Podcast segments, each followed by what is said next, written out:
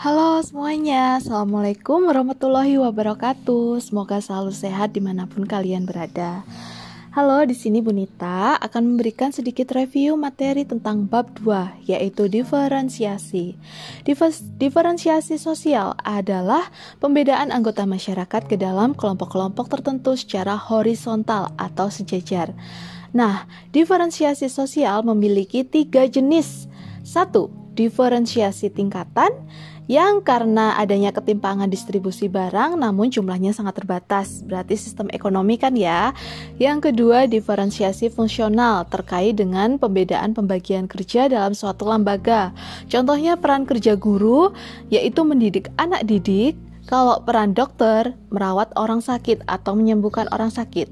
Yang ketiga yaitu diferensiasi adat muncul karena adanya aturan berperilaku yang tepat menurut situasi tertentu. Jadi antara adat di Jawa dengan adat di Aceh dalam hal menikah juga berbeda. Nah, sekarang bentuk-bentuk diferensiasi itu ada tujuh. Yang pertama, diferensiasi jenis kelamin, gender, perempuan dan laki-laki. Yang kedua, diferensiasi usia, usia bayi, anak-anak, dewasa, dan lansia. Kemudian diferensiasi ras. Untuk ras di Indonesia sendiri, kita termasuk dalam ras Mongoloid dengan sub Malayan Mongoloid. Nah, ada beberapa ras khusus yang tidak tergolong dalam ras besar, contohnya ras Vedoid, yaitu penduduk asli yang mendiami Sri Lanka dan Sulawesi Selatan, di mana suku Sulawesi Selatan ini hampir sama dengan ciri fisik yang ada pada suku bangsa Sri Lanka. Kemudian ada diferensiasi klan. Jadi klan di Indonesia itu dibagi menjadi dua, yaitu matrilineal garis keturunan ibu dan patrilineal garis keturunan yang berada pada pihak ayah. Untuk untuk matrilineal bisa dilihat dari suku bangsa Minangkabau. Kalau patrilineal bisa dilihat dari suku bangsa Batak. Uh, untuk Jawa juga termasuk ya. Terus kemudian yang kelima ada diferensiasi suku bangsa. Ada banyak sekali suku bangsa di Indonesia, suku Aceh, suku Jawa, suku Minangkabau, suku Batak, suku Manado, suku Bugis, suku Dayak dan lain sebagainya. Antara satu dengan satu lainnya itu sangat berbeda. Kemudian yang keenam ada diferensiasi agama. Ingat di Indonesia itu ada enam agama yang diakui. Satu agama Islam, Kristen, Katolik, lalu ada Buddha, Hindu, dan Konghucu. Nah, kemudian diferensiasi, sosial ini juga memiliki pengaruh. Yang pertama, pengaruhnya itu munculnya primor, primordialisme, yaitu e, kebanggaan kepada suatu suku bangsa kebanggaan kepada suatu suku bangsanya sendiri. Nah, primordialisme itu memiliki sisi negatif dan sisi positif. Untuk sisi negatifnya jelas akan memunculkan prasangka dan sikap permusuhan antara suku bangsa lainnya. Tapi sisi positifnya uh, dia itu dapat memperkuat atau mengikat hubungan antar kelompoknya di suku bangsa itu dengan membentuk suatu organisasi. Kemudian yang kedua munculnya sikap etnosentrisme yaitu memandang budaya lain itu dengan budayanya sendiri sehingga beranggapan bahwa budaya sendirinya yang lebih paling baik. E, biasanya etnosentrisme itu bisa muncul ketika kalian misalnya orang Jawa e, mendiami Aceh. Di mana kayaknya kalian tuh kayak merasa loh api Jawa ya rek? Kayak gitu Kemudian yang ketiga, berkembangnya politik aliran. Ini bisa dilihat setelah tahun 1998 di mana setelah masa Orde Baru berakhir banyak sekali muncul partai politik yang bertebaran. Ya, tapi yang paling besar itu saat itu ada PDIP dan PKB. Hmm, kemudian uh, untuk masyarakatnya di diferensiasi itu dibagi menjadi dua yaitu masyarakat desa dan masyarakat kota. Untuk masyarakat desa sifatnya itu Gemeinschaft Gemeinschaft artinya masih sangat akrab dengan dan kuat dengan lingkungan paguyuban. Lalu profesinya sebagian besar sebagai petani. Masyarakatnya cenderung homogen atau satu jenis dan memiliki ikatan sosial dan kontrol sosial yang sangat kuat. Ini berbeda sekali dengan masyarakat kota yang keanggotaannya tidak saling mengenal atau individualisme, mata pencahariannya beragam dari sektor industri, jasa, dan perdagangan, lebih terikat kontrak dan mulai meninggalkan tradisi, masyarakatnya bersifat heterogen dan memiliki struktur masyarakat yang terbuka. Nah, adanya masyarakat desa dan perkotaan memunculkan suatu kaum yang namanya kaum urban. Kenapa kaum urban itu terjadi? Kaum urban itu terjadi karena adanya proses urbanisasi, yaitu perpindahan masyarakat dari desa ke kota, yang di mana masyarakat desa ini cenderung hidupnya kok biasa-biasa aja ya di desa. Aku kok nggak kaya-kaya ya, aku kok tetap miskin ya uh, ya udah deh aku tak hijrah ke kota aja. Siapa tahu di sana aku menjadi memiliki pekerjaan yang layak hidupku menjadi mapan dan menjadi orang kaya. Tapi permasalahannya dari urbanisasi ketika masyarakat desa ini berpindah yang ke kota permasalahan yang muncul adalah muncul uh, sebuah segresi atau pemisahan yang seharusnya ruang tata kotanya itu sudah sedemikian rapi, tapi karena adanya kaum urban ini memunculkan sigresi yang tidak disengaja. Contohnya munculnya pemukiman kumuh yang bisa kalian lihat di daerah Jakarta dan di daerah Surabaya. Oke, terima kasih. Semoga bermanfaat. Wassalamualaikum warahmatullahi wabarakatuh.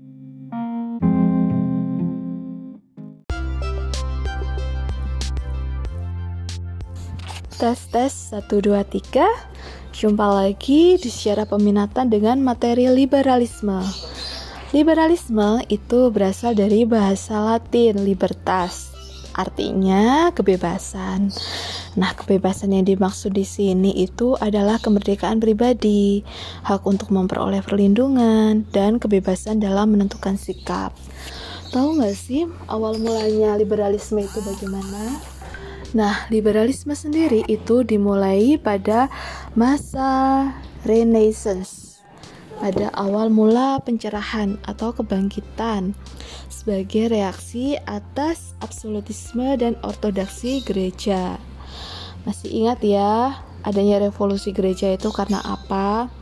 Nah, karena pada zaman dahulu semua aturan kehidupan manusia itu diatur oleh otoritas gereja. Sehingga menyebabkan mereka tidak memiliki kebebasan dalam bertindak apalagi berbicara. Akhirnya muncul sebuah kritik-kritik pedas yang yang dulu pernah disponsori oleh Martin Luther sehingga muncullah gerakan-gerakan liberalisme. Nah, gerakan liberalisme ini tokohnya rata-rata dipengaruhi oleh tokoh-tokoh politik, contohnya seperti Voltaire, Montesquieu, dan Cicero. Nah, gerakan ini akhirnya muncul menjadi sebuah gerakan revolusi seperti revolusi Amerika yang terjadi pada tahun 1776 dan revolusi Prancis yang terjadi pada tahun 1789. Nah, liberalisme ini semakin menjadi sebuah paham favorit semenjak disebarkan oleh Napoleon penguasa Prancis yang terkenal dengan semboyan liberty, equality, dan fraternity. Artinya kebebasan, persamaan, dan persaudaraan. Nah, ketika Napoleon jatuh pada tahun 1815, paham liberal ini sudah menyebar ke seluruh Eropa dan Amerika Utara. Nah, paham liberalisme ini juga diaktualisasikan dalam kehidupan masyarakat, politik, ekonomi, dan agama. Untuk Contohnya sendiri untuk bidang politik, e, masyarakat menghendaki adanya demokrasi seperti kebebasan berbicara, mengemukakan pendapat yang diaktualisasikan dalam sebuah lembaga kalau di Indonesia namanya lembaga MPR dan DPR. Kalau dalam bidang ekonomi, golongan liberal itu menghendaki sistem ekonomi bebas setiap individu memiliki kebebasan berusaha, tiap-tiap orang bebas menentukan pekerjaan dan usahanya. Pemerintah hanya bertugas mengawasi dan menjaga keamanan, ketertiban, dan kelancaran lalu lintas perekonomian dalam masyarakat. Nah, dampaknya muncul persaingan hebat antar individu. Para pengusaha besar makin kuat dan kaya, sedangkan pengusaha kecil bahkan yang tidak memiliki uh, modal maka juga akan miskin sehingga terjadilah kesenjangan ekonomi yang semakin curam. Nah, gara-gara ini muncullah tokoh liberalisme ekonomi yang akhirnya melahirkan sebuah paham sosialis jadi sebuah bentuk protes ya dari paham liberalisme. Nah, golongan sosialis ini ada Adam Smith, David Ricardo, dan Robert Malthus.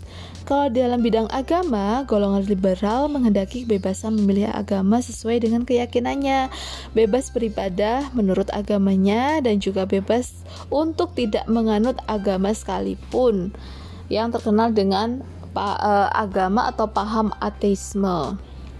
Nah, oleh karena itu, urusan agama itu tidak boleh dicampur dengan urusan pemerintahan. Akibatnya lahirlah sebuah paham baru namanya paham sekularisme. Oke, terima kasih. Selamat mengerjakan. Semoga selalu sehat di mana pun berada, selalu bahagia di mana pun berada. Wassalamualaikum warahmatullahi wabarakatuh.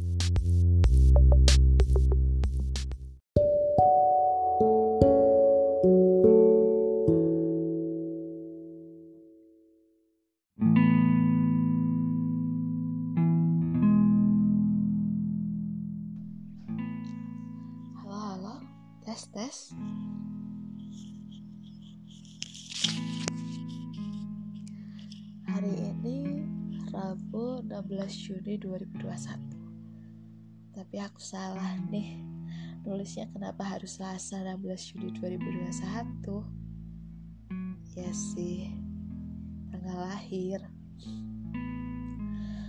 halo ini aku diri aku sendiri Yunita Dwi Esti Puspitasari. Dari kecil dipanggil Nita, giliran sudah sekolah, ada aja panggilannya. Ada yang panggil Yunita, ada yang panggil Nita, Yuntet, Mbak Yun, Yun Pus, Mbak Yuni, and extra.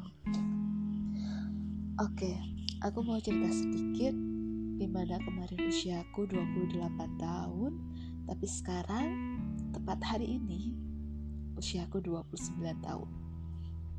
Bahagia? Sama sekali tidak.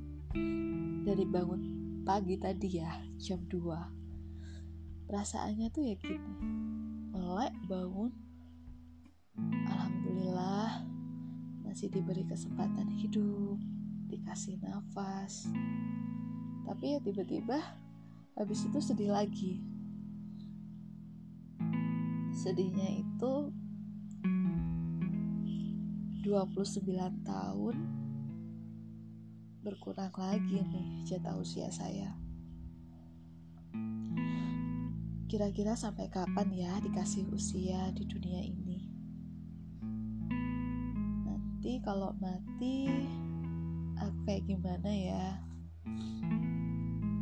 Apakah harus sakit dulu kayak mbah? Atau apakah harus sehat dulu? Terus besok kecelakaan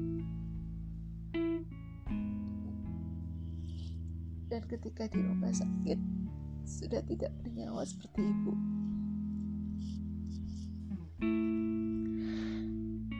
Harusnya aku mikir kayak gitu.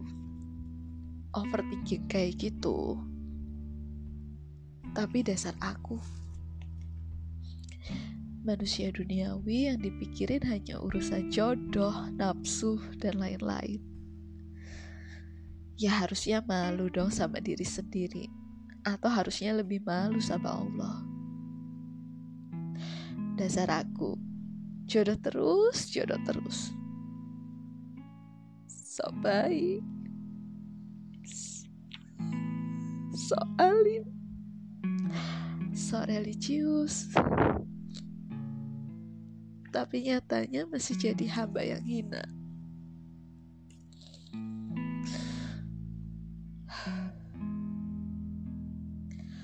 Banyak bersyukur, banyak-banyak terima kasih deh. Sampai detik ini loh, Allah tuh masih sayang sama aku. Sampai Allah menutupi aib-aibku. Dasar manusia sambat. Ayo dong, berkurang rasa sambatnya. Eh, bentar, bentar, bentar. Ini FYP TikTok nyebelin. Kenapa sih harus sesuai dengan isi hati dan pikiran? Bismillah. Gak apa-apa kok masih suka sama Ahmad. Hanya saja jangan sampai hati ini terluka ya sama dia. Allah cemburu tuh karena kayaknya sih aku sudah terlalu jauh dari Allah. Yuk dekat lagi yuk sama Allah. Tanpa ada niatan dibalas dengan duniawi. Tanpa ada dia balik disukai sama Ahmad. Bismillah. Semoga tahun ini tuh aku bisa cuek, lebih mencintai diri sendiri, lebih bisa berdamai dengan kekurangan dan permasalahan hidupku. Semakin dekat sama Allah, semakin banyak istighfar, semakin bersyukur. Bisa segera umrohin, bisa segera umrohin Bapak juga. Bisa disegerakan berdoa, memohon ampun, selama dunia akhirat di depan Ka'bah. Dulu-dulu, waktu masih zaman susah, waktu masih jadi KTT juga, pernah berdoa semoga rezeki, semoga rezeki saya dilapangkan dan diluaskan. Alhamdulillah Allah mengabulkan Dikasih pekerjaan yang bagus Dikasih rezeki yang bagus juga dulu doanya sih dijadikan kaya, rezekinya diluaskan, dilapangkan, biar bisa membantu orang-orang yang membutuhkan. Semoga tahun ini, tahun berikutnya, dan tahu di mana jatah hidup saya masih ada. Semoga semakin dikuatkan niatnya dalam istiqomah. Amin. Bismillah, tetap kuat ya buat aku. Jadi anak solehannya ibu bapak, jadi tiket surganya ibu bapak.